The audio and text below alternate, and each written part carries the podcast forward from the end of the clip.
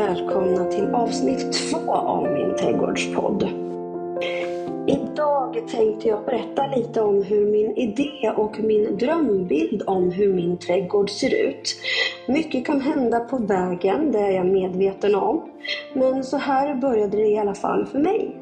Allt började väl redan när vi flyttade hit, min exman och jag, och äldsta sonen för typ 16 år sedan till Gullängsbacken, ett torp som tillhör familjegården som mina föräldrar äger.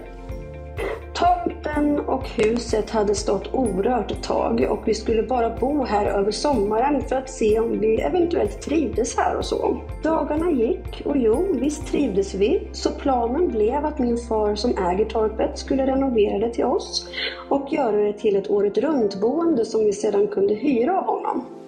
Sagt och gjort så drog renoveringen igång och någon gång på våren 2008 så flyttade vi in lagom innan lillebror föddes.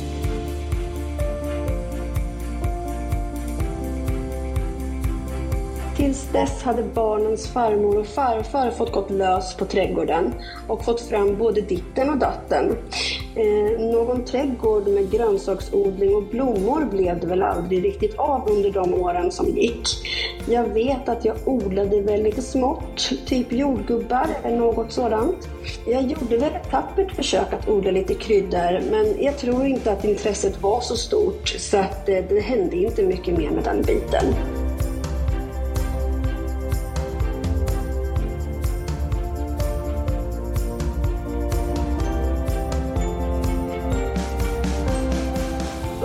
2012 så skiljer jag mig från barnens far och jag bor ensam kvar med barnen varannan vecka på torpet. Eh, någon plan för hur mitt liv och hem skulle vara hade jag inte riktigt där och då. Jag försökte nog bara att få huset hemtrevligt och tomten kom i sista hand. Och inte förrän 2020 så började väl drömmarna och tankarna om att ha en egen lummig trädgård att spira i mitt huvud. Vid det här laget hade jag bara två pallkragar.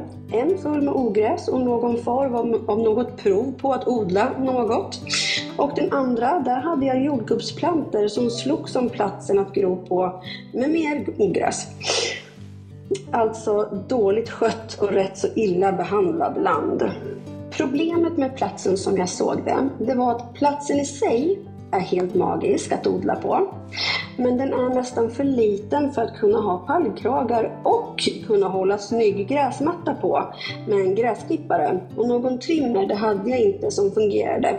Tror jag inte i alla fall. Ehm, skitsamma egentligen, för var väl både lat och bekväm för att fixa till den eller använda den. Så strunt samma. Men i alla fall. De pallkragarna stod i alla fall på en bra odlingsyta och drömmen och idéerna om hur man skulle kunna få till en trädgård började poppa upp i huvudet.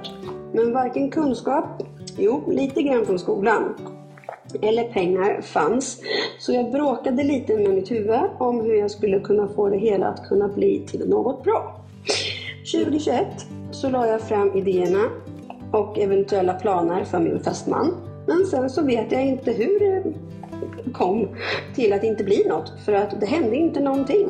Mina planer blev att flytta mina odlingar jag hade på denna väldigt igenvuxna men bra växtplats till en helt annan och så fick det bli.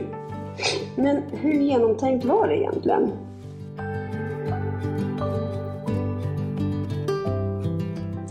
Och som sagt, 2022 så bestämde jag mig att flytta delar av min gamla trädgård till en annan del av tomten som jag då trodde skulle bli en bra placering.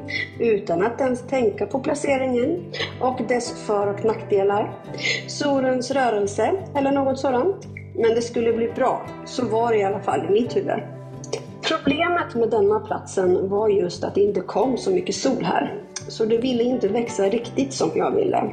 En del av det jag planerat växte, men inte där.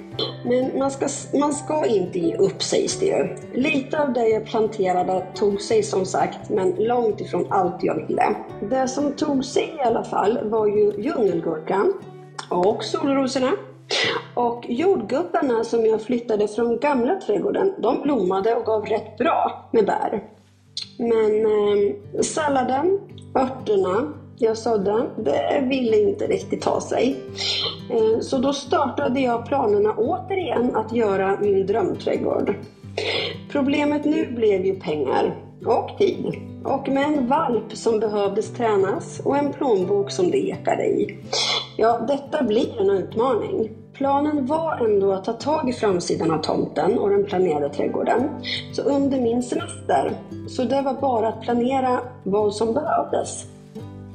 Jag hade min vision om att ha som en liten uteplats placerad rätt så centralt och låta blommor och grönsaker växa runt omkring. Med tanke på att vi har katter så var underlaget rätt givet. Att jag skulle ha grus mellan pallkragarna och inget annat. Men satan så dyrt det är med den mängden man skulle behöva. Och så vill man ju gärna ha grus man i så fall typ kan gå barfota på.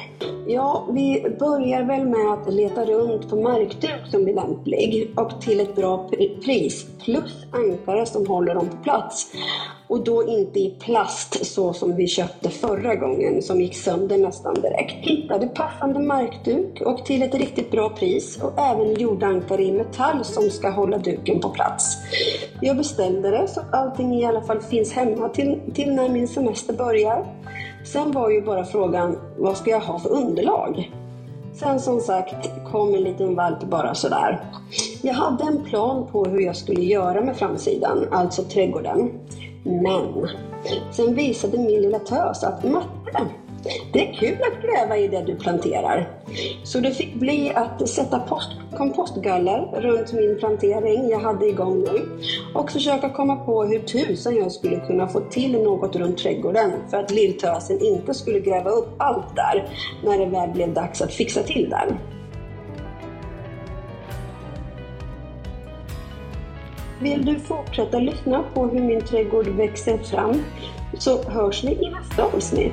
På återhörande!